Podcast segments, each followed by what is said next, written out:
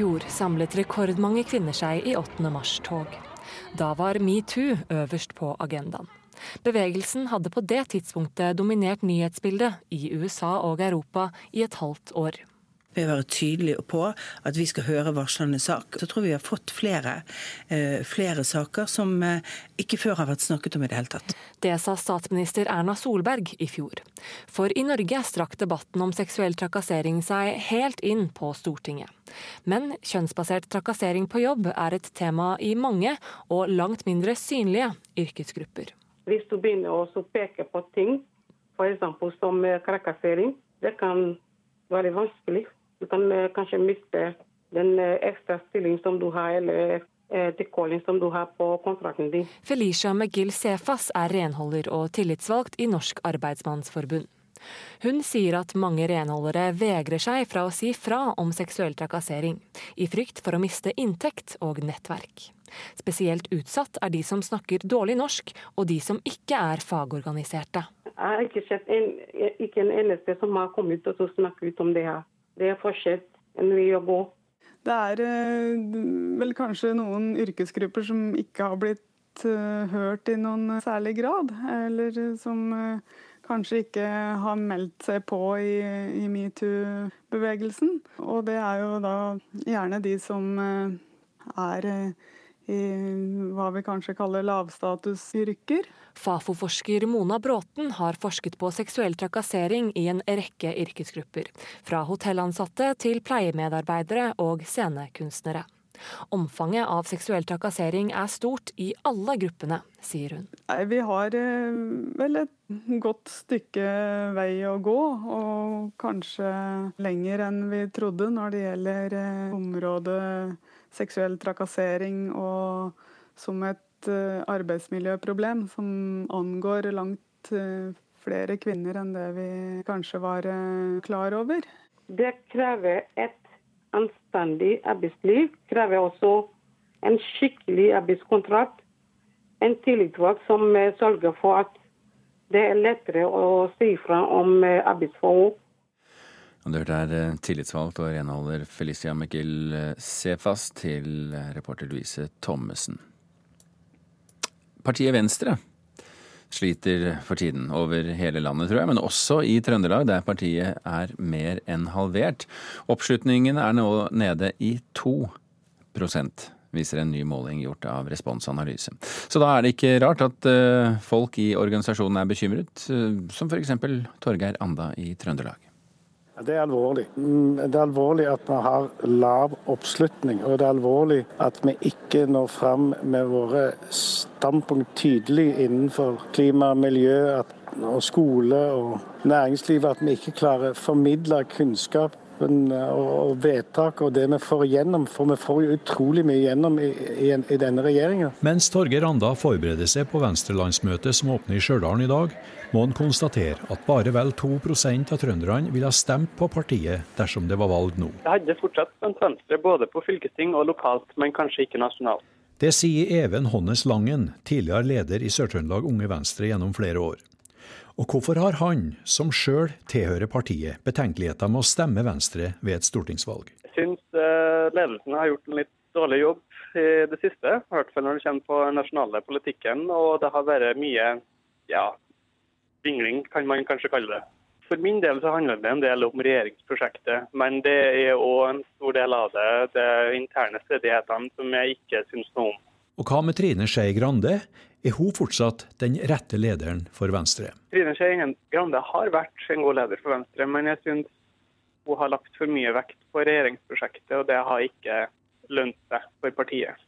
Og ikke for Trine heller. Jeg er veldig fornøyd med Trine som leder. Jeg syns hun er veldig flink. Hun er veldig flink innad i organisasjonen. Veldig folkelig. Jeg har, ja, jeg syns Trine er veldig flink. Det sier nåværende leder i Trøndelag Unge Venstre, Eirin Sørå. Men med så lav oppslutning som Venstre får nå, hva mener hun er årsaken til det? Det var jo ikke et lett valg å gå inn i regjering. Og vi har jo folk som var uenige med den beslutninga. Men politisk sett, hvis man ser på de sakene og regjeringsplattformen, så har vi fått ganske mange gjennomslag. Og jeg tror det er det som problemet oss har rett og slett vært at vi ikke har fått kommunisert ut det. Mens Venstre har hatt en stødig, jevn tilbakegang i oppslutninga siden fylkestingsvalget i 2015, har partiet Rødt hatt en like stødig framgang på trøndelagsmålinga. Mer enn 5% ville stemt Rødt hvis det var valg i dag. SV har òg en solid framgang, og 10,5% betyr at partiet har dobla oppslutninga siden 2015. Senterpartiet gjør stadig små hopp oppover, og har nå en oppslutning på 18% i sitt kjerneområde. Arbeiderpartiet får derimot svi. 40% av trønderne stemte på dem ved fylkestingsvalget i 2015. I dag ville bare 29% gjort det. Regjeringspartiene holder derimot ganske bra stand, bortsett altså fra Venstre. Og Venstres leder i Trøndelag, Torgeir Randa, mener det handler om problemer med å nå frem til velgerne. Jeg tror vi har et kommunikasjonsproblem. Det er ikke det politikken vi får bli med på som er problemet, men det må mer vår evne til å kommunisere dem på en enkel og forståelig måte for, for folk flest. Anda mener Skei Grande er den rette lederen i Venstre, men at partiet må bli mer synlig og tydelig. Ja, vi må komme med våre primærstandpunkt og stå opp tydeligere når vi er uenige som regjeringspartner. Og vi må kanskje være litt tøffere òg i å spisse de sakene som er viktige for oss. Og, og at disse sakene er noe som angår mange, og kanskje helst òg direkte angår i deres hverdagsliv. Og Du hørte her altså Torgeir Andal, som er leder i Trøndelag Venstre. Reporter det var Bjørn Solli.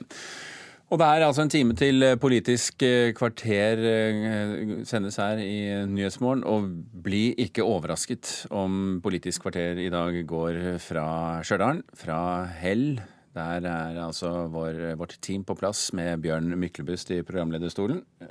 Så det er bare å glede seg til det og høre hva Venstre har tenkt til å gjøre med situasjonen de har kommet i. Nå derimot skal vi se på noe av det som skjedde i løpet av natten.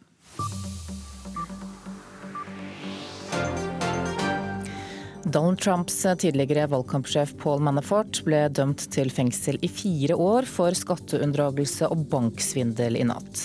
Det ble sagt i forkant at han kunne bli dømt til opp mot 24 års fengsel, men dommeren er tydeligvis ingen tilhenger av systemet, der du legger straff for flere forhold oppå hverandre og summerer, og han satte straffen til fire år. Denne dommen gjelder det Manafort gjorde som rådgiver for ukrainske politikere. I fjor ble han funnet skyldig i skattesvindel og bedrageri bedrageri mot banker og amerikanske skattemyndigheter. Kinas utenriksminister raste i natt mot eh, amerikanernes anklager mot teknologigiganten Huawei, og sa Kina ikke, i eh, hermetegn, vil gå som tause lam til slakteren. Wang Yi sier Kina vil treffe alle nødvendige tiltak for å forsvare det de kaller eh, sine legitime rettigheter til landets bedrifter og borgere. Hva disse tiltakene dreier seg om, blir ikke nevnt. Han eh, hevder amerikaneres eh, Huawei-motstand åpenbart er bevisst politisk undertrykkelse. Wang støtter også Huaweis søksmål mot amerikanske myndigheter som kom nå på onsdag. Brannvesenet brukte halvannen time på å få kontroll over en brann i et bolighus i Sandefjord i Vestfold i natt. Det var en stund ikke klart om det var personer i huset, men etter å ha undersøkt boligen med røykdykkere, så viste, seg, viste det seg at det var tomt for folk. Brannvesenet har slukket brannen, men er på stedet for å forsikre seg om at den ikke blusser opp igjen. Og det er ingen fare for bygningene i nærheten. Og dette er noe av det, det, du får vite mer om hvis du følger med på NRK Nyheter i dag. Venstres landsmøte starter i dag. Partileder Trine Skei Grande taler klokka 14, og hovedtema på landsmøtet er behandlingen av prinsipprogrammet. Andre viktige temaer vil være lokalsamfunn for fremtiden, med uttalelser om både distriktspolitikk og by- og stedsutvikling. Landsmøtet skal også behandle nye vedtekter for partiet. Og så er det også VM i skiskyting i, i dag. Andre dag. I dag eh, er det kvinne du får se. Kvinnesprinten går i dag. Du kan se den på TV kvart over fire. Eller høre den på radio NRK Sport, hvis du heller vil det. Og samtidig som eh, ski-VM, eh, eller skiskytter-VM pågår i Østersund, så er det jo selvfølgelig Holmenkollen skifestival eh, også. Du husker kanskje skifesten i fjor? Det var ikke bare en suksess, for det var både kollektivkaos og skader og fyll og forsøpling. Ikke akkurat det man forbinder med kjekk norsk ungdom i fri fysisk utfoldelse. Men i år skal det angivelig bli andre boller. Skifest Holmenkollen starter senere i dag med kvalifiseringen til hopp rennet for menn. Reporter Rushda Sied, eh, ser alt ut til å være på stell der oppe? Det gjør det. Jeg kjørte opp her for litt siden, og da var eh, gjerder langs eh, fortauene opp mot Holmenkollen satt opp. Og akkurat idet jeg kjørte inn på Frognerseteren, så kom preppemaskinen rett mot meg og lagde helt nydelige, kjempefine løyper som uh, utøverne skal gå i i løpet av helga. Mm, så du er oppe på Frognerseteren nå, like ved der hvor tremila og femmila skal gå forbi? Det er jeg. Jeg har kommet meg til et eh, sted hvor det er faktisk altså omringet av lavvoer. Det er folk som har vært eh, ute og sovet her eh, i natt. Bare for å få seg den beste plassen. Akkurat nå så står jeg mellom to lavvoer hvor den ene har satt opp både det norske flagget, det amerikanske flagget og det canadiske flagget. Så her er det masse supportere som har allerede dagen før uh, satt seg opp, da. For brødre utfordring over eh, kontinentene her, faktisk. Og, og, så er det jo det at det har jo vært ordentlig møkkavær i eh, Oslo i natt. Der oppe hvor du er, har det vært mest regn, eller har det falt som snø? Det har falt som snø. Disse lavvoene som jeg antar eh, var en sånn militærgrønn farge, de er dekket av hvit snø, så de ser nå ut som snølavvoer. Altså helt hvite igloer, nesten. Mm. Eh, så her har det dalet ned med snø i hele natt. Eh, eh vi må snakke litt om eh, denne fadesen fra i fjor. Hva har egentlig arrangørene gjort for å hindre at det skjer igjen i år? Arrangørene har vært veldig klare på at de tok seg noen lærdommer fra det som skjedde i fjor. Det er uh, satt opp uh, gjerder for å beskytte folk uh, mer. Det er innført et alkoholfritt område inne på arenaen. Og, og både Ruter og Sporveien kommer til å sette, på, sette opp ekstra busser og ekstra um, T-banelinjer, T-banesett, for å få bukt med, med problemene som da oppsto i fjor, hvor, hvor, veldig mange som da skulle hjem igjen eh, samtidig, eh, begynte å dytte og, og, og skapte kaos langs eh, T-banens skinner. Ja, ok, men Det er godt å høre at det er gjort tiltak, så får vi bare krysse fingre for at alt går bra for alle de som skal opp og more seg og ha det gøy i Holmenkollen. Røsta Siede, takk for at du rapporterte for oss.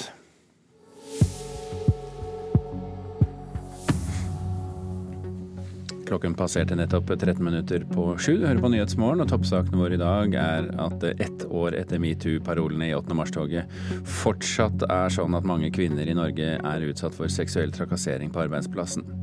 Venstre i Trøndelag er nå mer enn halvert. Oppslutningen er nå nede i 2 og i dag er det Venstres landsmøte i Stjørdal. Justisminister Tor Mikkel Wara jobber for en lovendring som vil gjøre det lettere å fengsle unge kriminelle. Ja, Vi snakket nettopp om, om Holmenkollen, men altså i Østersund der er det jo eh, VM i skiskyting. Og det ble gull på mixed-stafetten i går. Og i dag er det første individuell øvelse under VM i skiskyting i Østersund. Det er kvinnenes sprintøvelse vi får se. Og det var eh, spesielt én utøver som nesten skremte vannet av de norske jentene under gårsdagens øvelse. I hvert fall Marte Holsbu Røisland, som gikk mot henne på første etappe, nemlig italienske Lisa Vitozzi. Nei, Det var sjokkerende, egentlig mest på stående skyting. Jeg følte at vi kom inn nesten samtidig. og så Før jeg var kommet i stilling, så var hun allerede ute av matta. Så jeg ble litt psyka ut der og bomma førsteskuddet nesten i rein forfjamselse. Så heldigvis klarte jeg å ta meg sammen og gjøre min oppgave og kneppe litt innpå på siste runden. Men eh, hun var sterk på skytinga i dag. For hastigheten til Lisa Vitozzi satte ut de fleste. Også Johannes Tingnes Bø ble imponert over den italienske jenta som skjøt raskere enn Tingnes Bø. Lisa Vitossi tror jeg er verdens beste førsteetappeløper uh, uansett kjønn. Hun skyter fullt hus gang på gang og raskest av alle. Og det at Marte klarer å ta inn 20 sekunder på Vitossi på siste runde der, er enormt. og Det er nesten der løpet blir gjort. Selv er ikke den italienske jenta videre overrasket. Uh, yes, I always, always know that uh, I can, I can cover the target and I'm, I'm not every, in every race fast and uh, in this, in this um, mixed relay I can uh, do my best in the, and shoot fast. Vitozzi har vært en av verdens beste skyttere gjennom hele sesongen. this season I uh, was uh, stable in, uh, in the shooting range, but that's in the, in the ski. And I'm very happy about it. And I try to stay focused every time. And Og det som kan være dårlig nytt for Norge i dag, det er dette. Do you get nervous at all? Uh, no. Reporter her var Patrick Steen Rollands, og intervjuer du hørte, det var eh, Hanne Skjellum Müller. Og så er det sånn at eh, denne øvelsen går i ettermiddag klokken halv fem. Jeg er litt usikker faktisk på om den starter kvart over fire eller halv fem, men eh, deromkring skal du altså kunne se den på NRK1 eller høre den på radiokanalen NRK Sport. Til en annen og vesentlig tøffere idrett nå. I kveld starter nemlig Europas tøffeste hundesledeløp, Finnmarksløpet. I kveld går de ut. Noen av dem skal gå altså 120 mil før de kan eh, klokke inn eh, på, på, kvelden, antagelig. Eh, vi har møtt noen av dem for å høre hvordan de forbereder seg.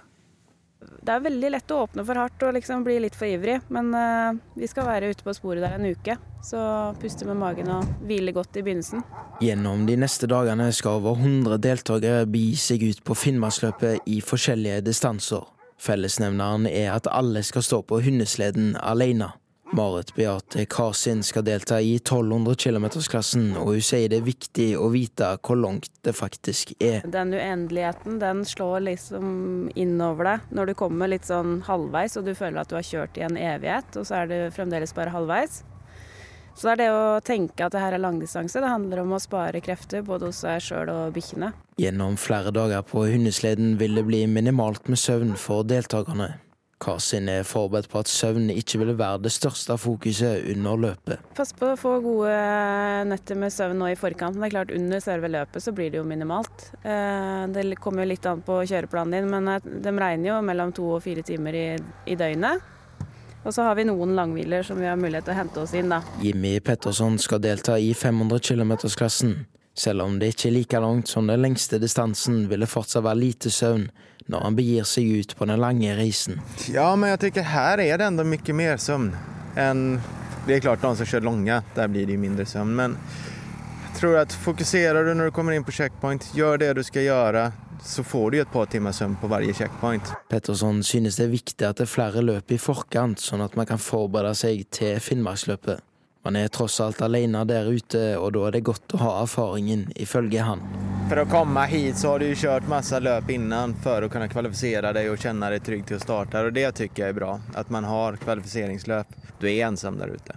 Det kan hende mye, og det er mange timer innan du får hjelp av noen, eller om det kommer noen overhodet og finner sier så. Så det, det, det er en riktig bra greie. Men Finnmarksløpet handler ikke bare om hundekjørerne.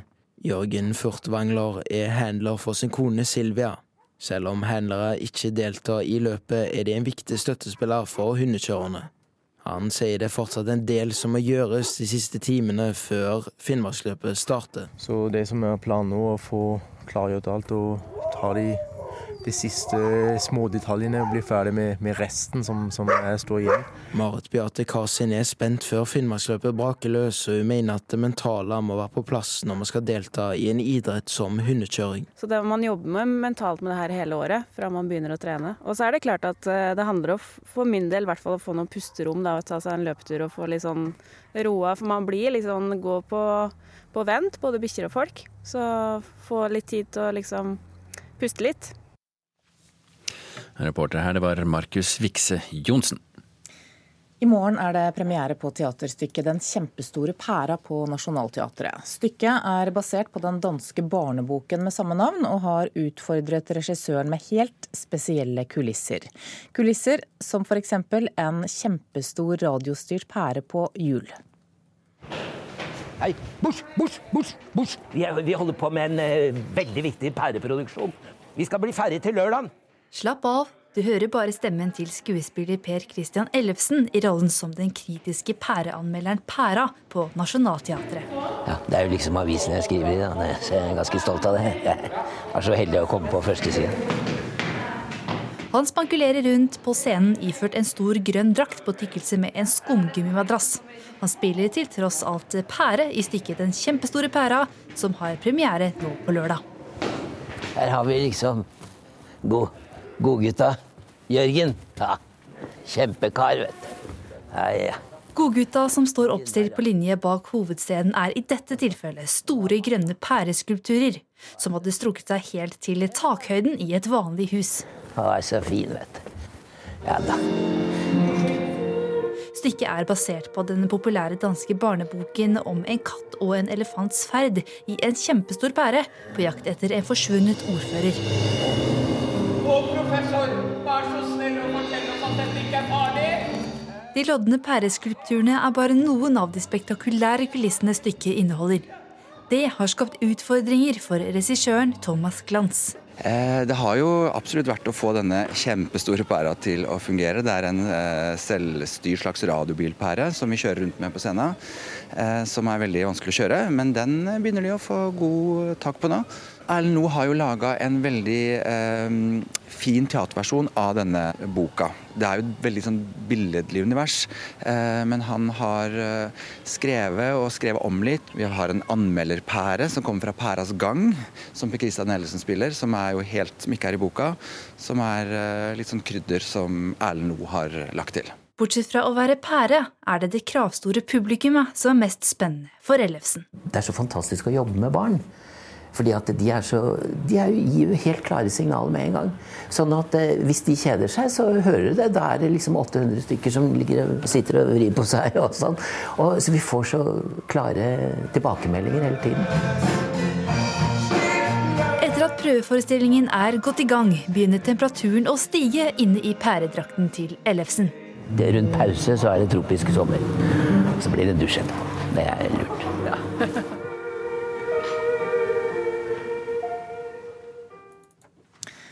Og teaterstykket Den kjempestore pæra på Nationaltheatret har altså premiere i morgen. Reporter her var Vibeke Sederquist.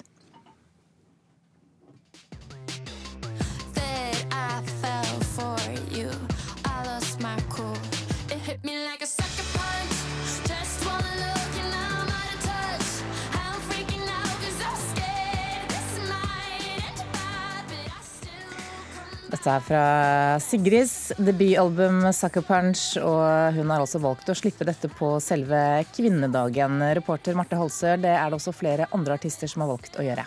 Ja.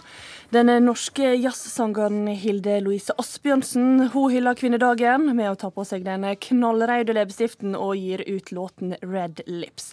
Det er jo da den første smaken på albumet Red Lips Knuckles and Bones som skal komme i mai.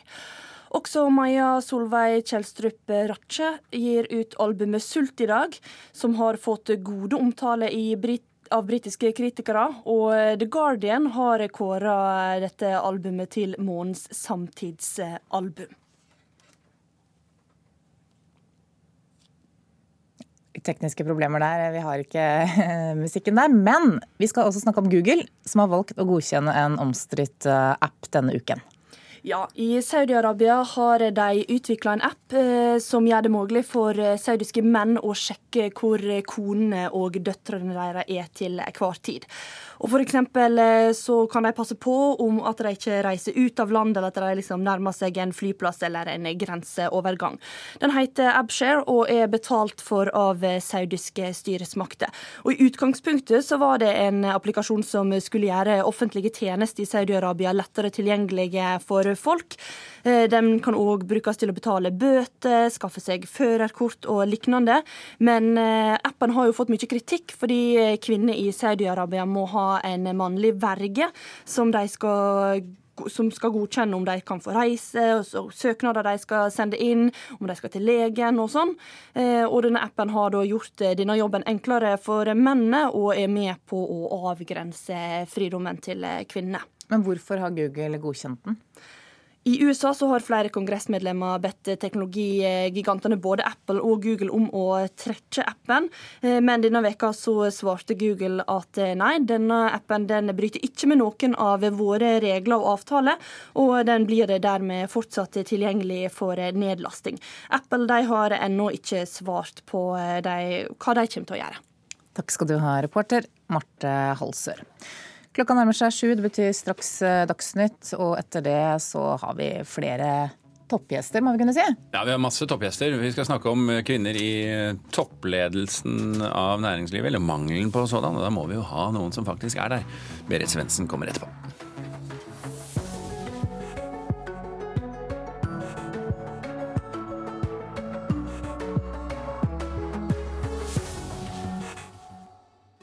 Studio 2. Det kommer to dronninger til Studio 2 i dag. Gruppen Queendom har forsøkt å gjøre Norge litt mindre grått og kjedelig, og litt mer raust, og nå kommer de til Platedate. Studio 2 fra 16 til 18 På NRK P2. Mange kvinner blir fremdeles utsatt for trakassering på arbeidsplassen.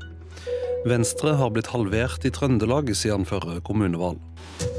Her er NRK Dagsnytt klokka sju. Det er fremdeles mange kvinner i Norge som blir utsatt for seksuell trakassering på arbeidsplassen. Også i de yrkesgruppene som ikke har vært mest framme under metoo-kampanjen, sier Fafo-forsker Mona Bråten.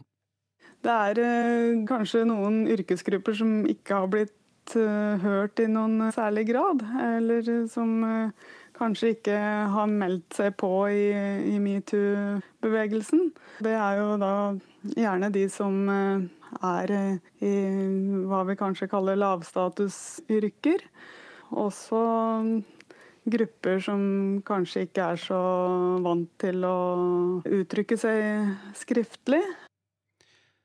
En mann i 80-åra ble innlagt på sykehus med store pustevansker natt til i går. Det mangla medisin i posen hans fra Norsk Medisinaldepot, skriver Rogalands Avis. Spesialist i allmennmedisin og leder i kommunalstyret for levekår i Stavanger, Kåre Reiten, sier situasjonen kan være livstruende, og at det haster å få orden på problemer med medisinleveransene. 80-åringen skal ha vært uten en type medisin i ei veke. Norsk Medisinaldepot vil ikke kommentere saka. Venstre får bare 2,1% oppslutnad i Trøndelag på en måling Respons Analyse har gjort for NRK og Adresseavisen. Det er under halvparten av det partiet fikk under fylkestingsvalget i 2015. Partiet klarer ikke fortelle hva de faktisk klarer å få til, sier leder i Trøndelag Venstre, Torgeir Anda. Det er alvorlig. Mm, Det er alvorlig at vi har lav oppslutning. Og det er alvorlig at vi ikke når fram med våre standpunkt tydelig innenfor klima, miljø og skole og næringsliv. At vi ikke klarer å formidle kunnskapen og og vedtak og det vi får igjennom. For vi får jo utrolig mye igjennom i, i, i denne regjeringa. Vi må kanskje være litt tøffere og spisse de sakene som er viktige for oss og at disse sakene er noe som angår mange, og kanskje helst òg direkte angår i deres eh, hverdagsliv. Og Politisk kvarter klokka 7.45 sender i dag fra Stjørdal, der Venstre har landsmøte. SAS skal fly oftere fra Bergen og Oslo til Manchester. Årsaken er suksessen Ole Gunnar Solskjær har hatt som Manchester United-manager, skriver Dagens Næringsliv. Det går i dag sju direktefly i veken, medan det fra april skal gå ti. Også Norwegian har merka økt interesse og vurderer flere avganger fra høsten. NRK Dagsnytt, Vidar Eidhammer.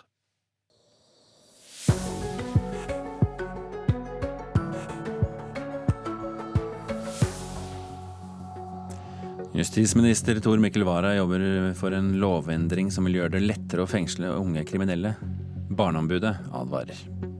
Og det går i sneglefart få kvinner inn i ledelsen, mener NHO og Finans Norge. Vi skal snakke om eh, hva som må til for å få kvinner opp og frem. Og den kinesiske teknologigiganten Huawei har eh, kinesiske myndigheter med seg på laget når selskapet nå går til sak mot USA og Canada. Det er ikke så vanlig å fengsle barn og ungdom her i landet, og en av grunnene til det er en lovendring som kom for fem år siden. Men i byer med særskilte utfordringer, som f.eks. Oslo, er det mange som nå fristes til å gjøre nettopp det, sette kriminelle mindreårige i fengsel. Og advarer Barneombudet mot å tro at fengsling vil hjelpe mot disse sosiale problemene som finnes i hovedstaden.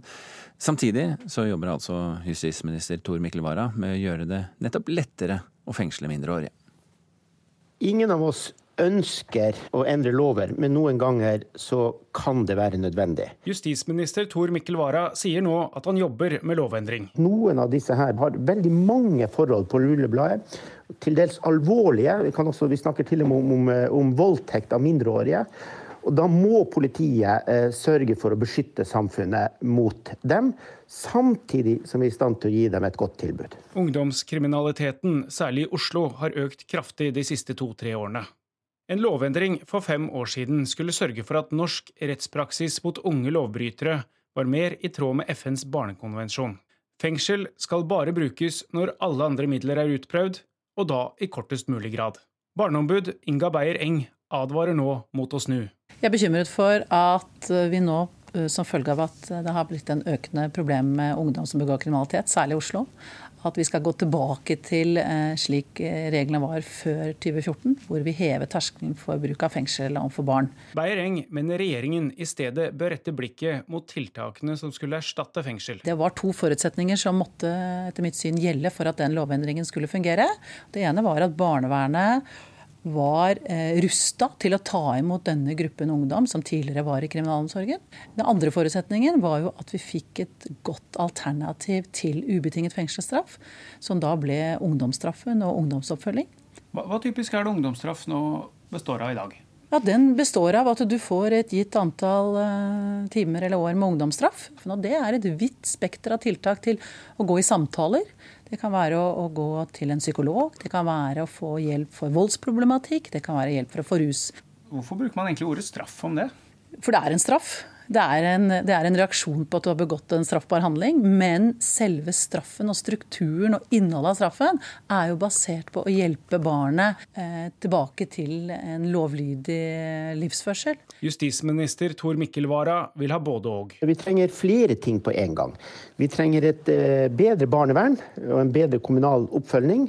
Og så kan vi håpe at de lykkes, men i den grad de ikke lykkes, så blir dette politiets problem, og da må politiet ha muligheten til å arrestere dem og sette dem på ungdomsenheter. Da rykker han tilbake til start. Da går han tilbake til noe som vi ville vekk fra. Reporter her Trond Lydersen. Å få kvinner inn i ledelsen i norske bedrifter går i sneglefart, mener både NHO og Finans Norge. Fremdeles var kun én av fire toppledere i fjor kvinner, og det er ille nok i seg selv, men det gjør det ikke bedre at denne mannsdominansen har holdt seg stabil de siste ti årene. Lise Maren Bock Tynes er 40 år, hun er banksjef i Sparebank1 i Drammen, og hun er et eksempel på en kvinne i lederstillinger vi må ha flere av, ifølge NHO. Så det er her du holder til, eller her? Jeg sitter der inne ja. sammen med de andre. Ja. Litt sånn åpent landskap. Å oh, ja, så sjefen sitter der? Ja, det er viktig at sjefen eh, får med seg hva som skjer. Ja. I en elegant, blomstrete dressjakke og svarte bukser viser hun plassen hun sitter på. Hun har valgt å sette seg sammen med de andre ansatte, og tilfeldigvis møter vi hennes sjef igjen, direktøren Stian Thomassen. Har du angra på at du ansatte henne? Overhodet ikke. Eh, hun er frisk og har pågangsmot og er framoverlent. Eh, og det er ikke alle som er det. Jeg hadde jobba som kunderådgiver i ti år. Mm. Og så tenkte jeg at jeg må jo bli sjef en dag. Mm. Og så var den utlyst, denne stillingen. Ja. Så tenkte jeg den skal jeg ha. Så fikk jeg den, da. Ja, det går ikke akkurat fort. Det, det vi må innrømme det. Eh, jeg ser jo at det går i sneglefart. Eh, heldigvis så er det en liten, men positiv utvikling de, de siste eh, årene. Det sier Runa Oppdal Kær fra Finans Norge og Katrine Oppstad Sunde fra NHO. Lise Maren ser på statistikken som viser en marginal økning med kvinner i ledelsen. Og det har bare økt med 1% fra 2015, faktisk. Ja. ja. Den på, helt på toppen er mann, og det har aldri vært dame. Mm. Men så er det deg, da. Ja ja, så det blir jo dame til slutt. I en oversized boblekåpe haster den kvinnelige banksjefen i Drammen over torget. Her skal 8. mars-toget gå seinere i kveld. det er jo en sånn bittersweet følelse noen ganger. At det ikke er flere damer i, i toppen, da. Ja. Jeg blir så aleine. Den følelsen Jeg trodde jo ikke at jeg var så veldig feminist. Men når du får den følelsen veldig sånn tett på, så kjente jeg at det, det gnager litt. Ja. Ja. Så du er feminist innerst inne? Ja, ja, ja. Jeg tror ikke det handler om aktiv kjønnsdiskriminering. Jeg tror rett og slett at det er uh, ubevisste forhold og erfaringer som man ikke er klar over. Så det vi tenker er jo at bedriftene må ha en aktiv uh, politikk. Uh, hvor sterke mannlige ledere tør å rekruttere sterke kvinnelige ledere. Sier Katrine Oppstad Sunde, arbeidslivsadvokat hos NHO. Nå skal jeg vise deg noe. Nå skal vi opp i Næringsforeningen sine sitt styrerom, som ligner veldig mye på banken sitt styrerom. Som ligner på andre styrerom, sikkert, ja. Industri og finans og Og i styrerommet blir vi møtt av historien. En hel vegg tapetsert med menn. Her kom jeg inn da, vet du, dagen etter Komiprisen og satt meg ned. Og, og så kikker jeg opp på denne veggen her, og så tenker jeg ja, jeg skjønner jo hvorfor man som dame blir forbanna. Det siste bildet nederst på veggen er av ei kvinne. Den nåværende styrelederen i Næringsforeningen. Det er veldig bra, da. Noe har skjedd de siste åra. Søk på det du vil ha. Du er like god som uh, hvermannsen. Reporter her var Karoline Bekkelund Hauge. Berit Svendsen, nå sjef for utenlandssatsingen til VIPS, tidligere kjent som konserndirektør i Telenor Skandinavia. Velkommen til Nyhetsmorgen. Takk for det. Skjønner du hvorfor kvinner blir forbanna i møte med mannsdominansen i toppen av næringslivet? Ja, jeg gjør jo det. Det er jo fremdeles altfor få kvinner eh, i toppledelsen i norske bedrifter. Og det må vi gjøre noe med. Har du selv vært forbanna? altså mine, Gjennom mine 30 år i eh, næringslivet, som Lilla Sørlusvik eh, har eh, skrevet på en fantastisk fin måte i sin bok om min historie, så vil jo leseren se at jeg har også hatt en del barrierer jeg måtte komme gjennom for å nå høyt opp. Mm. Lilla Sølvesvik, altså. De fleste kjenner deg kanskje som programleder her i Politisk kvarter i Nyhetsmorgen. Nå har du altså intervjuet åtte toppledere i boken med tittelen 'Fordi det er verdt det', som altså kommer i dag. Berit Svendsen en av dem. Hva vil du si kjennetegner norske kvinner som har lykkes i å komme i toppen av næringslivet? Det som kjennetegner de er i hvert fall ikke at de er spesielt gode på å skrive søknader. For de har omtrent ikke søkt en jobb, noen av dem. De er blitt sett. Og de har sagt ja på de rette øyeblikkene. Og så er de selvfølgelig flinke. De har vært flinke på skolen. Og så virker det veldig tilfeldig på meg at de endte opp i de jobbene de har gjort. Noen hadde, eller ei hadde planer om å bli veterinær, men ble toppsjef i Equinor istedenfor. Mm. En annen hadde lyst til å bli arkitekt, men endte som reservoaringeniør. Eh, gode fagpersoner, det er et kjennetegn på alle sammen, egentlig. Men hvorfor vil de ikke søke eh, toppstillingene selv? Og jo, det gjør de nok, men disse jobbene blir ikke lyst ut. Det er ikke sånn det fungerer i næringslivet. Men du sa at felles for dem var at de nesten ikke hadde søkt en eneste jobb selv? Ja, de har hatt lyst til å gå videre, men, men sånn som jobb altså rekruttering fungerer i næringslivet, så er det sånn at man der er ledige jobber, og så blir man bedt om å ta det. Mm. Berit Svendsen, noen må gjøre noe, hørte vi Lise Maren Bock Tynes si i denne reportasjen. Menn må altså gå foran og få flere kvinner inn i ledelsen i næringslivet? Jeg tror vi må begynne enda tidligere. Selvfølgelig ønsker vi å få mer, flere kvinner på toppen av norsk næringsliv. Det er ikke noe nytt, men vi ser at det går for sakte. Men her mener jeg både styret og administrasjonen i en bedrift har en jobb med å søke blant alle talentene. For altså, talent for ledelse er likt fordelt i befolkningen. Det er ikke bare 50% av befolkningen som har det spesielle egenskapen at de er gode på å, lete, eller å lede. Så her må man jobbe. I tillegg til det så må man begynne å jobbe mye, mye tidligere. Fordi vi ser at spesielt innenfor IT og teknologi, så er det bare 26% damer. Og det er jo IT og teknologi som kommer til å styre utviklingen av samfunnet fremover. Og de kan jo ikke overlate den fantastiske muligheten til å påvirke og styre utviklingen ved hjelp av teknologi bare til mennene. Men hvor tidlig begynner det, da? Ja, så jeg mener jo at vi må begynne alt med barn på barneskolen ja, og fortelle dem at eh, data og koding er veldig spennende.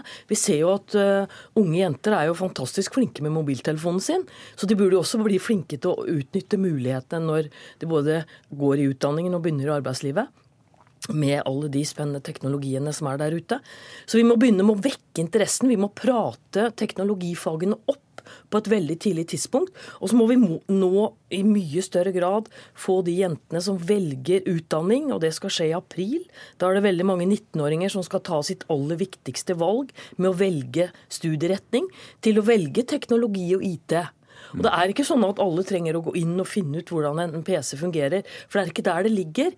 Men vi ser at teknologien kan løse noen av klimautfordringene.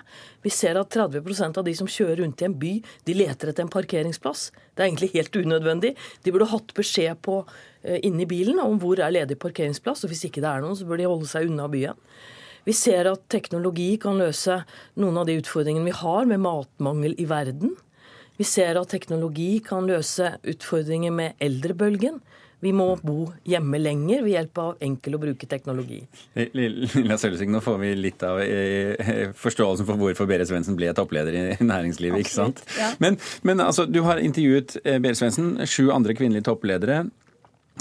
Denne boken eh, er, den er fascinerende. Den er fascinerende på flere plan. Eh, den er inspirerende eh, fordi det er dyktige mennesker. Og dyktige mennesker, i dette tilfellet kvinner, men dyktige mennesker er alltid gøyalt å lese om. Samtidig, når jeg leser den, så blir jeg trist. Skjønner du hvorfor? Ja, jeg kan skjønne det. Jeg synes jo det altså Du sa i starten her at én av fire ledere var kvinner, men egentlig så er det jo altså ni av ti av topplederne er menn. Ja, da snakker vi helt opp på konsernet. Og mange av disse kvinnene som jeg har intervjua, de forteller at de kom inn i rom, de kom inn på, på møter i finansnæringen, investormøter, og de ser bare menn rundt seg. Og de forteller om en ensomhet i det, som vi også hørte i det innslaget.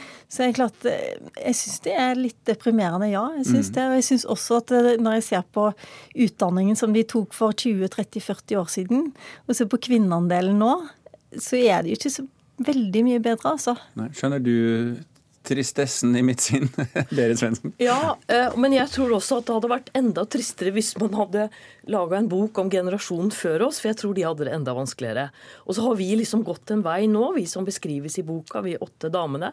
Og så tror jeg at det kommer til å bli enklere, og at vi har lagt enda mer til rette for at de unge som nå kommer, skal gå til toppledelse. Men hva er det i toppledelsen i norsk næringsliv som gjør at du blir optimistisk når ni av ti er menn?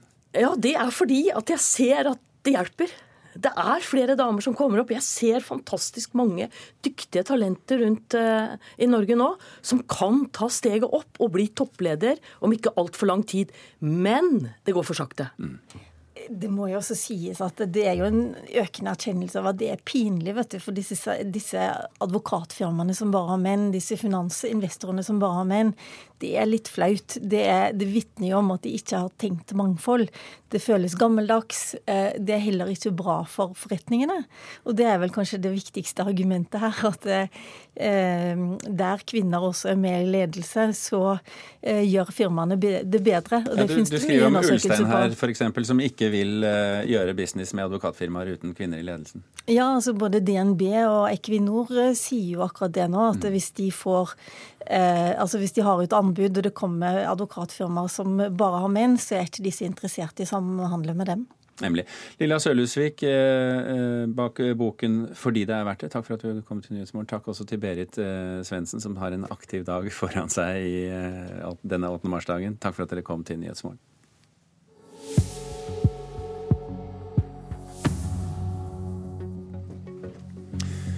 Ja, Det er eh, klokken 18 minutter over sju. Du hører på Nyhetsmorgen altså. Hovedsakene våre i dag er at eh, ett år etter metoo-parolen i 8. mars-toget i fjor, så blir fortsatt mange kvinner eh, i Norge utsatt for seksuell trakassering på arbeidsplassen.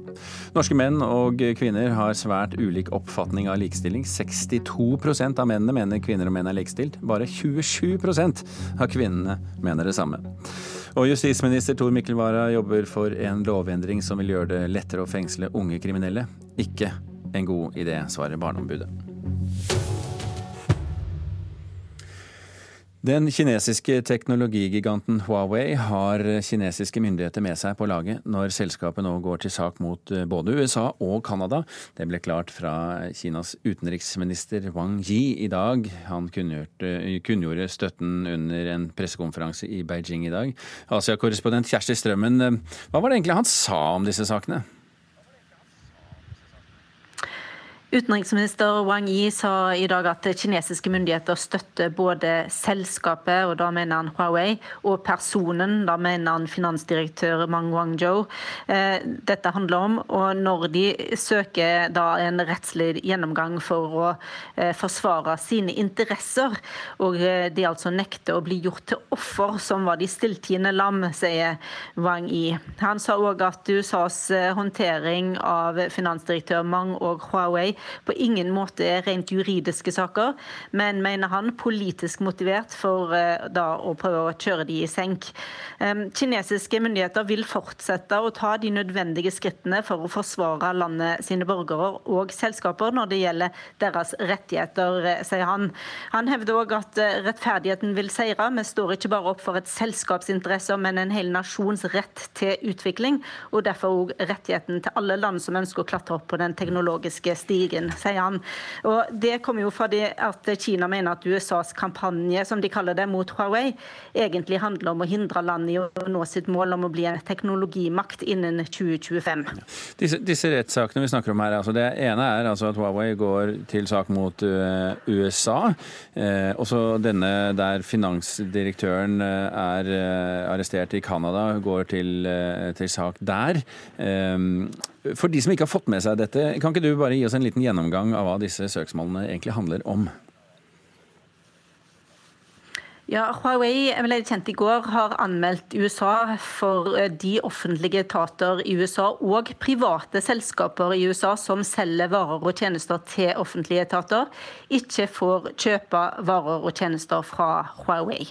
Selskapet mener at det ikke finnes bevis eh, for amerikanske anklager og påstander om at eh, selskapet samarbeider med kinesiske myndigheter og etterretning, og at det blir eller kan bli brukt som redskap for spionasje.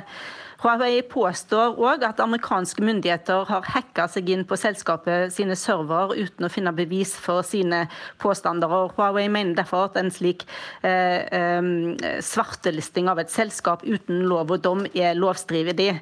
Og Når det gjelder Mang Wanzhou, så ble jo hun da arrestert i Canada i desember. og eh, Hun er da anklaga bl.a. for å ha brutt sanksjoner eh, i handel med Iran. Da dette er det jo USA som krever da utlevering av henne henne. Det var derfor hun ble arrestert. Eh, hun søker Canada for arrestasjon av henne og mener at den bryter med hennes konstitusjonelle rettigheter. Eh, hun krever òg erstatning. Hun skal bli tatt inn i varetekt uten at hun ble fortalt hvorfor. Så om dette har skjedd, så kan det undergrave saken eh, mot henne, som handler om utlevering altså til USA, og i alle fall da forsinke den veldig. Okay. Eh, Kjersti Strømmen, takk for at du eh, orienterte. Vi skal eh, flytte oss geografisk til Midtøsten. For i går så ble en tenåring skutt på grensen mellom Gazastripen og Israel etter at palestinske ungdommer hadde kastet stein og eksplosiver mot israelske soldater. Det israelske militæret svarte med å bombe mål sør på Gazastripen. Samtidig så viser en uavhengig FN-gransking at israelske soldater under demonstrasjonene i fjor skjøt med skarpt og drepte 189 palestinere, deriblant barn, journalister og helsearbeidere. Korrespondent eh, Kristin Solberg, eh, hva, hva kan du si om situasjonen på og rundt Gazastripen akkurat nå? Ja, Det er veldig spent i området for tiden. Det har jo vært eh, høy risiko for en ny krig i over et år nå. Og vi har sett de siste dagene at både retorikken og voldshendelsene igjen har, har toppet dumpet seg, og at det, at det truer den siste skjøre våpenhvilen fra november i fjor. Eh, Det siste som har skjedd, er eh, denne 15-årige gutten som, som eh, døde av skadene han ble påført til hodet i går, ifølge Gazas helsemyndigheter. Omstendighetene rundt det er foreløpig litt uklare, men han skal ha blitt skutt da han var del av en liten gruppe som protesterte langs grensegjerdet i Gaza om kvelden onsdag. Eh, I går også så bombet Israel flere Hamas-mål inne på Gazastripen med kampfly. Israelerne sier at det var et svar eh, på at ballonger med eksplosiver ble sendt fra Gaza inn eh, til Israel, noe de holder eh, Hamas ansvarlige for. Og så har vi selvfølgelig disse protestene langs grensen som har pågått ukentlig hver fredag siden i fjor. De fortsetter, og det kommer de til å gjøre også i ettermiddag. De har jo tidvis blitt slått veldig hardt ned på av israelske soldater, eh, med mange hundre drepte. For, for noen uker siden Kristin, så kom jo resultatet av denne uavhengige FN-granskningen av Israels håndtering av protestene. Hva var det egentlig den fortalte om denne situasjonen? Ja, Den var sterkt kritisk til Israels håndtering av, av, protestene. Den sa at det var eh, bevis som kunne tyde på eh, at Israel, israelske soldater sto bak eh, krigsforbrytelser og forbrytelser mot, mot menneskeheten. Den så på hva som hadde skjedd i drapet på 189 palestinere. Det er et relativt konservativt anslag av alle dem som døde i den perioden. Det er, er andre anslag ligger på rundt 260 drepte palestinere under protestene. og En del av dem var barn, helsearbeidere og journalister.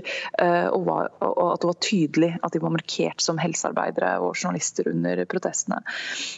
Så Granskningen den, den, var jo, den var jo klar på at noen av de som demonstrerte var medlemmer av bevæpnede grupper, og at Hamas var med på organiseringen, men de kunne likevel bare finne tilfeller, to tilfeller der israelske soldaters liv var i fare, og at de derfor kunne svare med skarpe skudd. Likevel så, så vi igjen og igjen at israelske soldater svarte med nettopp det. Men, men det at det er valgkamp i Israel nå, hvordan påvirker det situasjonen i Gaza? Ja, De kan slå begge veier. Statsminister Netanyahu han er jo nå selvfølgelig midt i valgkampen. og Han har en tøff utfordrer for første gang på ti år. Benny Gantz, som er tidligere hærsjef. Og, dermed så er det viktig for, Netanyahu å framstå som, som, sterk på såkalt sikkerhet. Så Han har allerede kommet med advarsler mot det som skjer på Gazastripen. Han sier ethvert angrep vil bli besvart med dobbel styrke fra den israelske hæren, sa, sa han i går. Det er vel egentlig få som tror at Netanyahu ønsker en opptrappet konfrontasjon eller krig før valget 9.4. Det er for risikabelt. Men samtidig så er, har han ikke råd til å fremstå som svak, og dermed så kan det slå begge veier, det som skjer på bakken nå.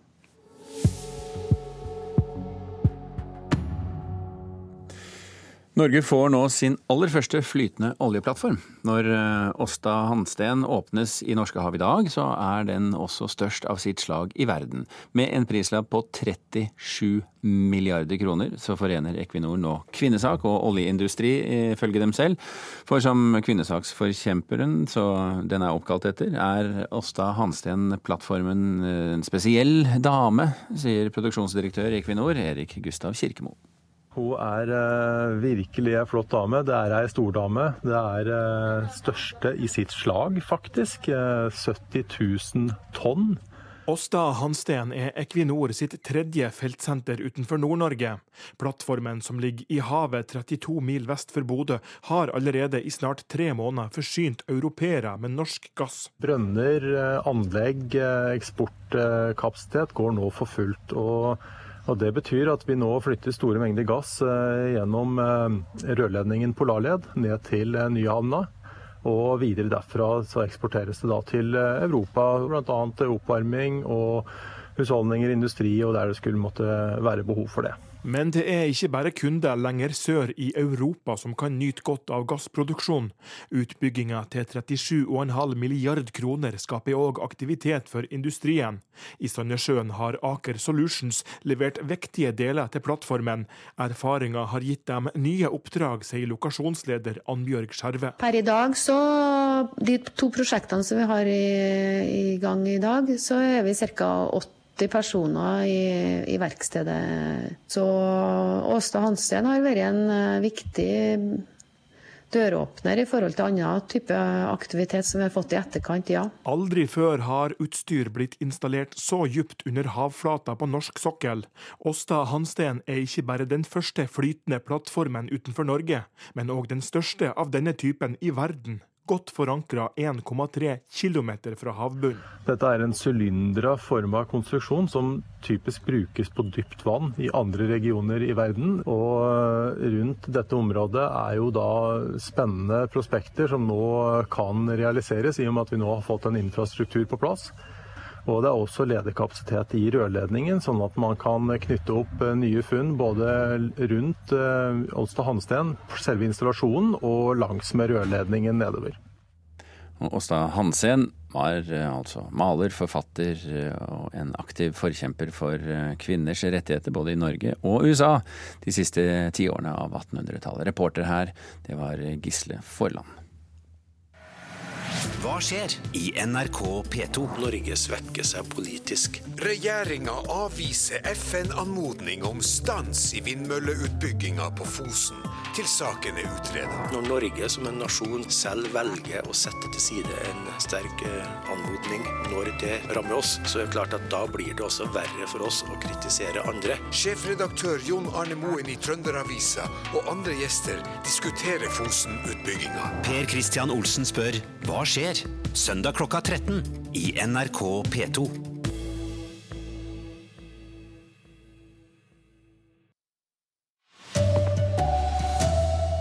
Staten bør ikke gjøre det enklere å fengsle barn, mener Barneombudet. Menn og kvinner er ikke samdige om det er likestilling i Norge. Og Venstre starter landsmøte i dag. I Trøndelag har partiet blitt halvert, syner ei meningsmåling. Her er NRK Dagsnytt klokka 7.30. Barneombudet advarer mot å nytte mer fengsel mot unge som bryter lova. En lovendring i 2014 førte til at færre barn blir fengsla. Nå jobber justisminister Tor Mikkel Wara med å gjøre det lettere å fengsle mindreårige. Vi snakker til og med om, om, om voldtekt av mindreårige. Og da må politiet eh, sørge for å beskytte samfunnet mot dem, samtidig som vi er i stand til å gi dem et godt tilbud. Ungdomskriminaliteten, særlig i Oslo, har økt kraftig de siste to-tre årene. En lovendring for fem år siden skulle sørge for at norsk rettspraksis mot unge lovbrytere var mer i tråd med FNs barnekonvensjon. Fengsel skal bare brukes når alle andre midler er utprøvd, og da i kortest mulig grad. Barneombud Inga Beyer Eng advarer nå mot å snu. Jeg er bekymret for at vi nå, eh, som følge av at det har blitt en økende problem med ungdom som begår kriminalitet, særlig i Oslo, at vi skal gå tilbake til eh, slik reglene var før 2014, hvor vi hever terskelen for bruk av fengsel overfor barn. Beyer-Eng mener regjeringen i stedet bør rette blikket mot tiltakene som skulle erstatte fengsel. Det var to forutsetninger som måtte etter mitt syn gjelde for at den lovendringen skulle fungere. Det ene var at barnevernet var eh, rusta til å ta imot denne gruppen ungdom som tidligere var i kriminalomsorgen. Den andre forutsetningen var jo at vi fikk et godt alternativ til ubetinget fengselsstraff, som da ble ungdomsstraffen og ungdomsoppfølging. Justisminister Tor Mikkel Wara vil ha både og. Vi trenger et bedre barnevern og en bedre kommunal oppfølging. Men i den grad de ikke lykkes, så blir dette politiets problem, og da må politiet ha muligheten til å arrestere dem og sette dem på ungdomsenheter. Da rykker han tilbake til start. Da går han tilbake til noe som vi ville vekk fra. Reporter Trond Lydersen. Menn og kvinner har svært ulik oppfatning av likestillingssituasjonen i Norge. 62% av mennene tykker at um, kvinner og menn er likestilte, mens bare 27% av kvinnene mener det samme. Nei, Jeg tror jo da at vi var kommet der at vi, det var full likestilling, men uh, det er vel kanskje ikke uh, da ennå. Jeg tenker jo at uh, vi jo, ligger jo ganske langt framme på likestilling. Den blir vel bedre og bedre. Slik svarer folk på gata i Førde på spørsmål om hvordan det står til med likestillinga i Norge i dag. Tjener vel kanskje litt bedre da, enn eh, enn kvinnene. To av tre menn mener kvinner og menn er likestilte i Norge. Men bare en tredel av norske kvinner er av samme oppfatning. Det viser en undersøking Respons Analyse har gjort på oppdrag for NRK i samband med kvinnedagen i dag 8. mars. Flere yrker som er mannsdominerte og sånt. Og sånn lederstillinger og sånt. Der er det ofte menn du ser. Også økonomi, politisk tilhørsle og etnisk bakgrunn har noe å si for hvordan en oppfatter likestillinga. Med så store variasjoner når det kommer til forståinga av likestillinga i Norge, Mener folk at de har behov for en kvinnedag? Ja, jeg tror jo vi har det fortsatt, ja. Jeg tror det. Nei, nei, det vi har ikke. Har vi ikke, ikke i dag, men før burde ikke være behov for det. Nei. Det burde være en selvfølge. Nei, det er mer og mer nå i dag at er, vi er likestilte. Nei, likestilte er vi ikke. Jeg synes det var positivt. Jeg ser ingenting negativt i det, så hvorfor ikke? Reportere Birgitte Vågnes Bakken og Olav El Skram. Et år etter at metoo dominerte kvinnedagen, blir fremdeles mange norske kvinner utsatt for trakassering på arbeidsplassen. I fjor samlet rekordmange kvinner seg i 8. mars-tog. Da var metoo øverst på agendaen. I Norge strakk debatten om seksuell trakassering seg helt inn på Stortinget. Så tror vi har fått flere saker som eh, ikke før har vært snakket om i det hele tatt. Men kjønnsbasert trakassering på jobb er et tema i mange og langt mindre synlige yrkesgrupper. Hvis du begynner å peke på ting, f.eks. som trakassering, det kan være vanskelig. Du kan eh, kanskje miste den eh, ekstra stilling som du har. Felicia McGill Sefas er renholder og tillitsvalgt i Norsk arbeidsmannsforbund. Hun sier at mange renholdere vegrer seg fra å si fra om seksuell trakassering. Spesielt utsatt er de som snakker dårlig norsk, og de som ikke er fagorganiserte. Jeg har ikke sett en, ikke en eneste som har kommet ut og snakket ut om det her. Det er øh, kanskje noen yrkesgrupper som ikke har blitt øh, hørt i noen særlig grad. Fafo-forsker Mona Bråten har forsket på seksuell trakassering i en rekke yrkesgrupper. Fra hotellansatte til pleiemedarbeidere og scenekunstnere. Vi har eh, vel et godt stykke vei å gå, og kanskje lenger enn vi trodde. Det krever et anstendig arbeidsliv. Krever også en skikkelig arbeidskontrakt en tillitsvalgt som eh, sørger for at det er lettere å si fra om eh, arbeidsforhold reporter Louise Thommessen. Denne veka ble ei norsk kvinne fra Oslo og hennes to barn henta ut fra et IS-kontrollert område i Syria. En brasiliansk journalist har nå fått et intervju med henne. Hun forteller at det som skulle være et kort besøk til kjæresten, ble til seks år sammen med fremmedkrigere. He took me into Syria without my permission, without me knowing that I'm living, going to Syria. Hun forteller at kjæresten tok henne til IS-kontrollert område uten hennes tillatelse, og hun sier hun ville hjem til Norge fra første stund, men kjæresten lot henne ikke dra. Det var ikke enkelt å leve, det var skarpskyttere overalt, og det var ikke mat og vann. I begynnelsen fikk hun daglige oppgaver og ble bedt om å vaske klær, lage mat og vaske huset. Det var umulig å komme ut av det IS-kontrollerte området uten en mann, sier hun. Politiets sikkerhetstjeneste, PST, er klare på at det å ha laget mat og passe barn ikke gir noe fritak fra straff dersom man har sverget troskap til den islamske staten. Den norske kvinnens mann døde i et angrep på et hus, forteller hun.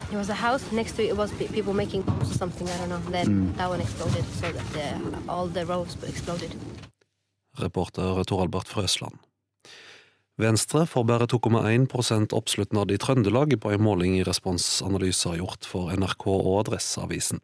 Det er under halvparten av det partiet fikk under fylkestingsvalget i 2015.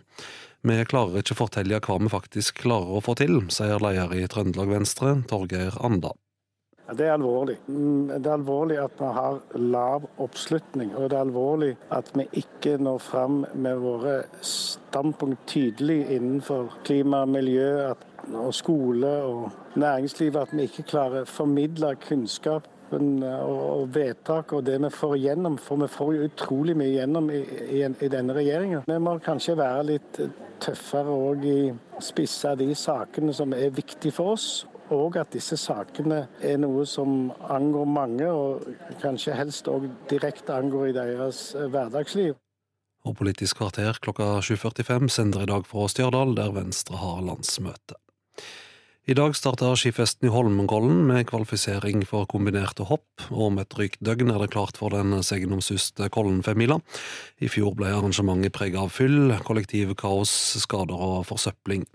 Arrangørene har lova bedring i år, og reporter Rushda Syed begynner ting å bli klart.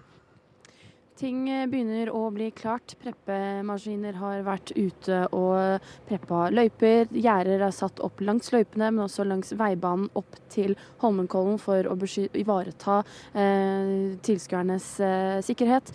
Det er eh, bannere som har gått opp eh, for å indikere at skifestivalen kan starte når som helst. Det er som eh, du nevnte at eh, arrangørene har sagt at de har tatt lærdom fra fjorårets eh, fest og eh, skandaleombuste femmil. Eh, flere tiltak er eh, satt eh, inn, bl.a.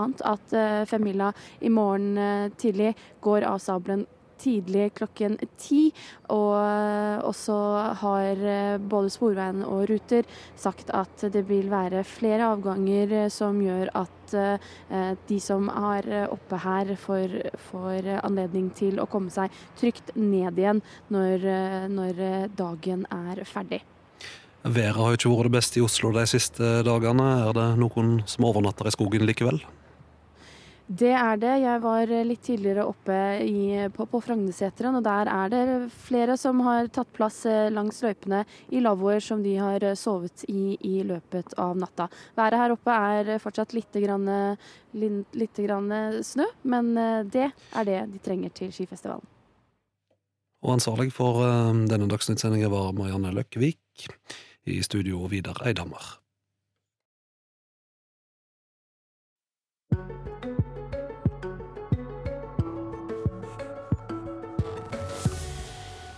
Og det er 8. mars, og mye av det vi snakker om i dag er selvfølgelig kvinner, menn og eh, likestilling. Så er det sånn at kvinner i finansnæringen tjener fortsatt langt mindre enn menn som gjør samme jobb. Tall fra Finansforbundet viser at menn i snitt ligger 20% høyere i lønn. På selve kvinnedagen, altså i dag, så kaller nestlederen i forbundet sin egen næring for en versting på likestilling av lønn. Det finnes likevel noen unntak. I Sparebanken Sogn og Fjordane er det lik lønn for likt arbeid. Det er topp tre neste år. Nå er pallen. Nå er det pallplass. Det er bronse. På Sparebanken Sogn og Fjordane i Førde hører en like mye til kvinnene som mannfolka på leiermøtet. Fire av ni er nemlig kvinner, og de tjener like mye som mennene.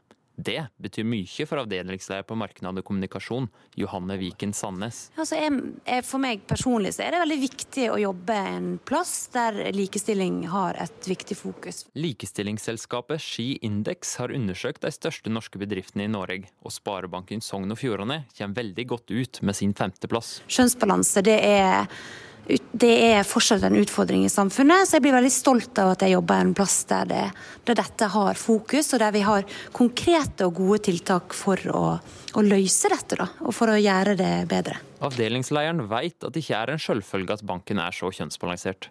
Kvinner i finansbransjen tjener nemlig 18% mindre i snitt enn sine mannlige kollegaer. Ifølge nestleder i Finansforbundet, Bente Hornsrud Espenes, er det svært dårlig sammenlignet med andre næringer. Kan vel ikke skryte av at vi står best, vi står nok kanskje blant de dårligste, eller kanskje dårligst, når det gjelder eh, likelønn. Nestlederen i forbundet mener det må jobbes hardt med dette for å kunne løse problemet. Å sette enda mer trykk og få enda mer fokus på uh, at det må jobbes kontinuerlig. Dette er ikke noe som er quick fix, dette må vi jobbe med for at vi skal lykkes sammen. Både arbeidsgiver- og arbeidstakersiden. Ja, nettopp. Ja. Ja, hun er liksom stolt. Mm. Stolt av oss. Ja. Ja. På Sparebanken Sogn og Fjordane har de god grunn til å være stolte. Administrerende direktør Trond Teigene er svært engasjert i å ha en likestilt arbeidsplass. Han mener konkrete tiltak er viktig for å vise at en mener alvor. De fleste vil jo si at uh, likestilling er viktig, mangfold er viktig, men, men, det er et stykke fra å, å, å liksom ønske det velkommen og faktisk gjøre noe med det. Og ha noen fine målsettinger om at vi, vi, er, vi, ønsker å være gode på det, det er ikke nok. Det handler om å, å ta ord til handling. Direktør for Kreditt, Gro Skrede Mardal, er et av bevisene på at kvinnene faktisk blir tatt på alvor. Havna plutselig i, i lederstilling litt pga. at jeg fikk en tillit. Samtidig så har jeg fått uh, muligheten til å tilpasse privatlivet. Jeg har tre unger som jeg fikk en roligere stilling da, og hadde kunnet tilpasse jobbstad og den biten her. Så den fleksibiliteten som eh, banken gir, den er grådig viktig å oppbytte. ja, men, ja, men det, er veldig det er veldig mange bra konferanser rundt omkring. Så Oslo hadde veldig masse bra. Kvinnedagen står sterkt for deg i banken. Og ifølge leder for forretningsstøtte, Silje Sunde, så er det fremdeles mye å kjempe for. Vi er fortsatt 168 år unna økonomisk likestilling i Norge. Og i 2017 så gikk likestillingen bakover. Så det er absolutt uh, mye å fortsatt uh, kjempe for. Det er en, det er en dag å, å, feire på, men det er òg en dag å brette opp armene og kjempe videre. Reporter her, det var Magnus Urup Helle. Og Apropos eh, kvinnedagen, så kan vi jo ta med at Google nå har godkjent en omstridt applikasjon som kan brukes til å kontrollere saudiske kvinner. Appen Abshare gjør det mulig for saudiske menn å sjekke hvor konene og døtrene deres er til enhver tid. Appen har fått mye kritikk fordi den begrenser kvinners frihet, og teknologigigantene Apple og Google har blitt bedt om å trekke den tilbake. Men denne uken så svarte i hvert fall Google at appen ikke bryter med deres avtaler, og dermed forblir tilgjengelig til eh, nedlasting. Straks eh, Politisk kvarter her i eh, Nyhetsmorgen. Vi skal først se litt på hva som er toppsakene våre i dag.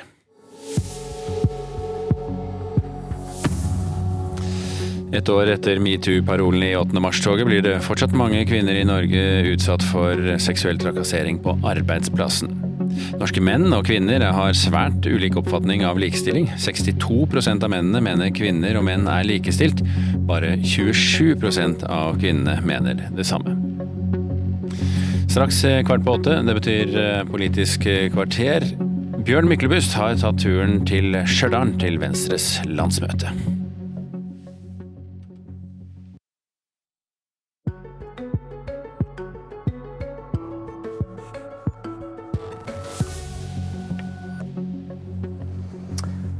Kultur- og likestillingsminister og Venstre-leder Trine Skei Grande, velkommen til Politisk kvarter. Tusen takk for det. Vi er på hotell på Hell utenfor Trondheim, der du åpner Venstres landsmøte senere i dag. På 8. mars. Gratulerer med kvinnedagen. Tusen takk for det òg. Skal du kjempe for at innstrammingen du og din regjering nå gjør i abortloven, reverseres ved neste stortingsvalg?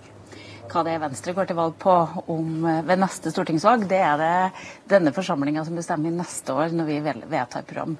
Eh, og da så blir det jo sånn at det er ikke så sannsynlig at Venstre får alle stemmene, så vi må nok forhandle med andre partier. Og sammensetninga av Stortinget bestemmer velgerne. Og vi vedtar nye regjeringsplattformer ved hvert valg.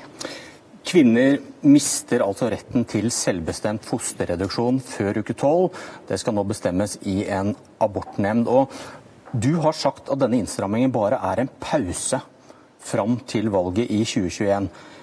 Og de som mener at dette er en viktig sak for det liberale Venstre, hvorfor skal de tro på at du vil vinne den kampen om to og et halvt år, når den ikke var viktig for deg nå? Det viktigste for oss når vi reiste til Granavolden, var at vi hadde to av fire partier som ønska å endre 2C. Det hadde jeg en ganske klar beskjed fra partiet at det ville ikke Venstre akseptere. Så har det vært en diskusjon også i Venstre når det gjelder eh, spørsmålet knytta til tvillingabort eller fosterreduksjon. Eh, så det var en diskusjon som vi også måtte ta når vi kom dit. Og da var det klart at for oss gikk grensa ved 2C, og så var vi villige til å se på dette her. fordi det er også en del er medisinske spørsmål som kan stilles rundt det. Det er en abort som ikke kan uh, er mot, gjennomføres. Du kan ikke snakke deg vekk fra det? Nei, det kan jeg gjøre. Jeg stemte når dette var i Stortinget, fordi at den rød-grønne regjeringa satt, satt, alt dette på pause så lenge de holdt på. Og når det var i Stortinget sist, så stemte jeg for at dette skulle være en rett man skulle ha. Og nå kaller du reverseringa en pause, og da må man jo tro at det ligger i det at du vil prioritere dette, da, ikke sant? Uh, og Hvorfor skal de tro på at du skal ta kampen neste gang, når du ikke prioriterte det nå? Nei, Det handler om styrkeforhold mellom partiene. Det handler om sammensetning rundt bordet. På Jeløya var vi tre andre partier, da ble konklusjonen annerledes når det gjaldt abortloven. Og så har jeg sagt også at jeg syns kanskje ikke ordet pause var det klokeste ordet jeg hadde valgt. Dette handler jo om politiske kamper, styrkeforhold mellom partier. Og det handler også om at noen grenser er de, det er harde for oss å gjøre noe med 2C. Det var ikke aktuelt for Venstre å gjøre. Men hvis du sier at eh, dere skal kunne da gå til valg på Venstres program, ta en omkamp om to og et halvt år, da må KrF kunne gjøre det samme når det gjelder 2C, som gir kvinner rett til å ta abort etter uke 12 hvis de har et alvorlig sykt foster. Da risikerer du det også. Nei, da, det folk risikerer det med, det er at Venstre ikke sitter rundt det bordet jeg må kjempe i. I denne saken var vi sammen med Frp for å si at 2C var helt uaktuelt å få gjort noe med. Det er et Men ultimatum? Men styr, nei, styrkeforholdet mellom parti det bestemmes ved valg. Kan Venstre sitte i en regjering som fjerner 2C? Jeg har aldri noen gang sagt at jeg, kommer med noe ultimatum på noen som helst sak. Nei, men jeg fikk jo- da- da men jeg fikk et-. Men jeg fikk et klart mandat fra mitt parti om at det var uaktuelt å endre 2C, og vi vant det på Granavolden. Men da åpner det også for at hvis KrF blir vesentlig sterkere enn i hvert fall nå svakt Venstre, så kan 2C komme på bordet igjen, og dere kan tape den kampen. En veldig god grunn til å stemme Venstre, i hvert fall. For Ja. vi har stått på for å beholde 2C. Men ikke noe ultimatum, altså? Ultimatumer fører oftest til at du taper så mye annet. Et, eh, det har jeg lært meg gjennom mange års forhandlinger. Et ultimatum bringer deg ikke videre. Skal du gå i 8. mars-tog i dag? Nei, Jeg skulle gjerne ha gjort det. Eh, Vi får gå litt i, i salen her. Vi måtte, vi måtte flytte møtedato på landsmøtet vårt. Men så syns vi det er litt stas òg for gamle likestillingspartiet Venstre å få lov til å feire åpning av et landsmøte på også kvinnedagen. Hva syns du om at Unge Venstre i dag skal gå i tog mot den innstrammingen i abortloven du godtar? Jeg vet at de skal gå i tog. Jeg tror at de skal gå i 8. mars-tog eh, her på Stjørdal eh, med mange andre slagord også. Du syns ikke det er litt flaut at Venstre har den første likestillingsministeren som innskrenker norske kvinners abortrettigheter? Jeg tror, Det er ikke likestillingsministeren som innskrenker abortrettigheter, men vi sitter i en regjering som foretar en endring. Men, men at den, er, eh, men den er så stor at vi her stiller spørsmål ved, ved abortrettighetene som gjøres i mange andre land, det syns jeg er ute av, eh, av den konteksten det faktisk er. Nå har vi lik lovgivning som man har i Sverige, lik lovgivning som man har i Danmark. Men du går med på at det er en innskrenking av kvinners Ja, det er det, og jeg skulle gjerne ha sett at vi ikke hadde. Du, Det har vært en liten diskusjon om Venstre har de rette statsrådene. når vi først var inne på det. Mhm. Betyr det noe at Venstre har klimaministeren? Ja, vi har den mest offensive klimapolitiske plattformen som noen regjering har hatt noen gang. Eh, Det syns jeg er kjempebra at det er en venstremann som skal gjennomføre. Betyr det noe at Frp har olje- og energiministeren?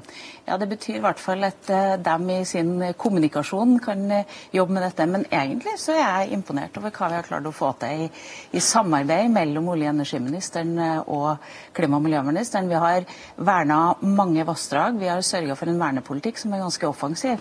Så i brytninga mellom der så har vi klart å få til mange gode saker.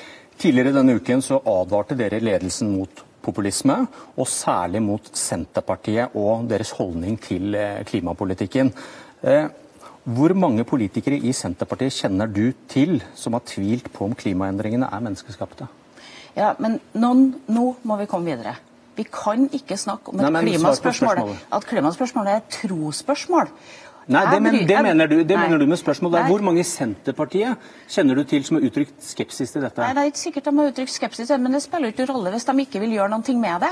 Det er, sånn at, mange- det er sånn at Når man støtter eh, klimasaken, så handler det faktisk om ikke bare at, om, om hvorvidt du tror på forskerne, men om du er villig til å gjøre de handlingene som skal til for å faktisk nå de målsettingene. Og akkurat nå har jeg Frp-ere på laget som gjør mye mer enn det Senterpartiet faktisk er villig til å gjøre i Stortinget.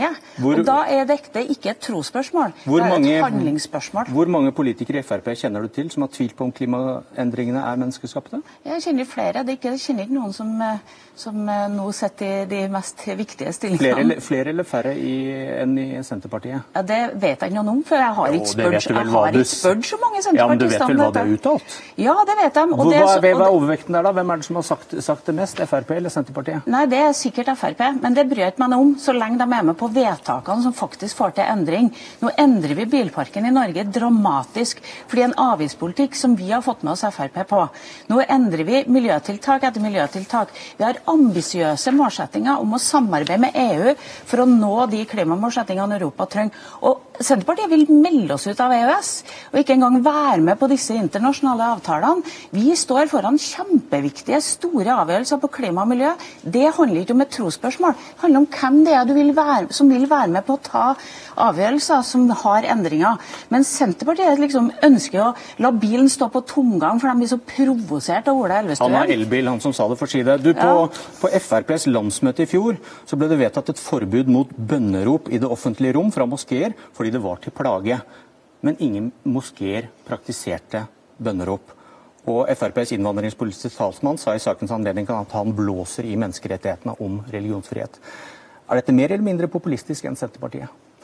Det er vel det er i hvert fall å løse et problem som ikke finnes. Og rett etter det vedtaket ble gjort, gikk jeg opp på talerstolen og sa det til dem. Er det mer eller mindre populistisk enn Senterpartiet, som du hang ut som populister her om dagen?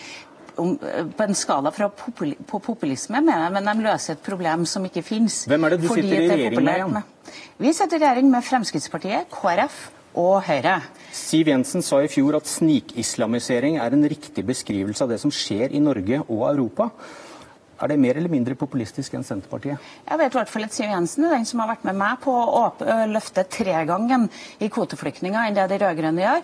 Og at Senterpartiet nå foreslår å ta imot færre kvoteflyktninger enn det vi har fått med oss Frp Siv Jensen nører opp under fordommer, sa du i 2009. Frp har ikke endret holdning til dette. Hvem er det som har forandret seg da? Nei, Jeg står til rette for den politikken som regjeringa gjør. Regjeringa tar imot rekordmange kvoteflyktninger. Og, og, vi har åpna har ordna systematikken knytta til asylbarna. Vi har fått til oppmykninger på veldig viktige mange asylområder. Du kan ikke dømme meg for den retorikken andre partier gjør, du må dømme meg for den politikken jeg står ja, men Da snakker du om regjeringens politikk. Er det ikke litt dobbeltmoralsk å henge ut Senterpartiet for å være populister, når du sitter i regjering med Frp, som du står her og sier er minst like populistiske? Nei, De er ikke minst like populistiske akkurat nå. Den som kjemper mot klimatiltakene nå, det er Senterpartiet. De som kjemper mot kvoteflyktninger nå, er Senterpartiet. De som kjemper mot de viktige gjennomslagene Venstre får på vern, de som kjemper mot den rovdyrpolitikken denne regjeringa fører, er Senterpartiet. Vi opplever nå gang på gang at en gammel sentrumskompis, som Senterpartiet var, som lå nært Venstre, som har samarbeidet med Venstre, og som samarbeider med Venstre masse plasser lokalt, plutselig endrer ham og tror at de skal ta alle de stemmene som da står andre partier. Står du nærmere politisk Sylvi Listhaug enn Trygve Slagsvold Vedum? Nei, Jeg tror jeg står ganske fjernt fra dem begge to. Er Frp et populistisk parti? Ja, det har, eh, Frp har også populistiske tendenser. Selv om jeg er glad for at vi får eh, demme opp for mye av det når vi sitter i regjering. For å dra dette litt sammen, Dere lanserte denne uken en plan om hvordan komme ut av krisen, unnskyld, den alvorlige situasjonen dere sliter med velgerne, bl.a. Ut på tur, løft fram lokale saker og kandidater. Kommuniser Venstres politikk bedre. Men hva hvis det er at det at dere gikk i regjering med Frp, som er årsaken til at velgerne forsvinner? Da vil ikke denne planen fungere. Vi, vi, gikk i regjering fordi vi ønska å få mer gjennomslag for politikken vår. Vi hadde like store problemer før vi gikk inn i den regjeringa med å klare å stå som et lite parti som har makt og ansvar. Men nå snakker du deg vekk fra spørsmålet. Hvis, denne, hvis, du legger en plan på bordet, har... og årsaken er en annen, nemlig Frp, da virker ikke den planen. Er du enig i det? Men vi har ingen analyse som tilsetter det som er problemet. Det Hva bygger du det på? Det er, krevende, det er krevende å ha makt. Det er krevende å ha ansvar. Men Venstre har merka at den slitasjen var akkurat like stor når vi var på utsida av regjeringa, som når vi er på innsida av regjeringa. Men du vet ikke, hva det, skyldes, du vet ikke hva det skyldes, denne velgerflukten? Jo, det vet vi nok. Har du målt det? Ja, det har vi også gjort. For Så vi... det er ikke Frp? Du kan slå fast at det er ikke samarbeid med Frp sånn, som fører til det? Frp sliter like mye på målingene, kanskje mer og i nedgang, enn Venstre gjør akkurat nå. Så det er, det, Granavolden den var en krevende, krevende plattform å få gjennom for alle fire partiene. Så nå må vi bare snu skuta. Nå må vi prøve å vise fram hva det er vi får til. Få til den entusiasmen vi hadde når vi kom ut fra Jeløya, når vi virkelig har fått verna Lofoten og Vesterålen, når vi virkelig har fått de gjennomslagene på en ny rusreform, når vi virkelig hadde fått til saker som venstrefolk var stolt over.